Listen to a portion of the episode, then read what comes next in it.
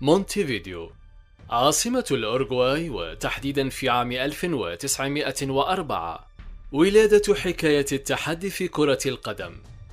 اسمه بالكامل هيكتور كاسترو. كانت الأمور عادية إلى أن بلغ من العمر 13 سنة. موعد تحول جذري في حياته. فقد فقد ذراعه الأيسر بالكامل بسبب منشار كهربائي.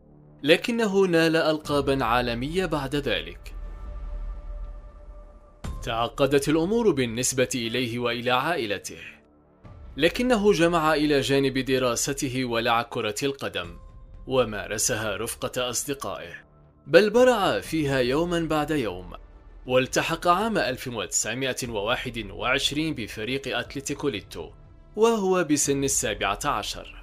كما لفت انتباه المتابعين بما فيهم النادي الأشهر والأقوى ناسيونال مونتيفيديو ولعب له عام 1923 وبعد سنة ساهم في تتويج النادي باللقب وأطلقت عليه الجماهير لقب المانكو أي ذي الذراع الواحدة. وسجل بعد ذلك هاتريك في مباراة اللقب الثاني وكانت قد أعيدت للمرة الثالثة.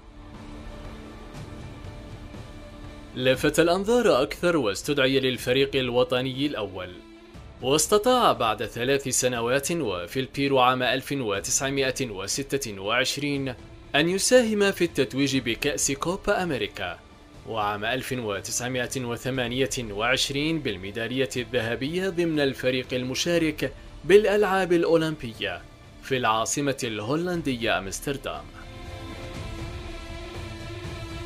عام 1930 نجح كاسترو في تسجيل أول هدف في بطولة كأس العالم على أرضه. وهدف آخر في المباراة النهائية أمام الأرجنتين في الدقيقة التاسعة والثمانين.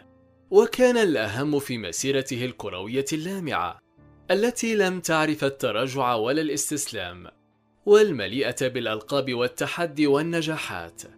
صانعا بذلك مجدا كلاعبا ومدربا لمنتخب بلاده. كان هذا في بودكاست حديث المدرجات. إلى حلقة قادمة.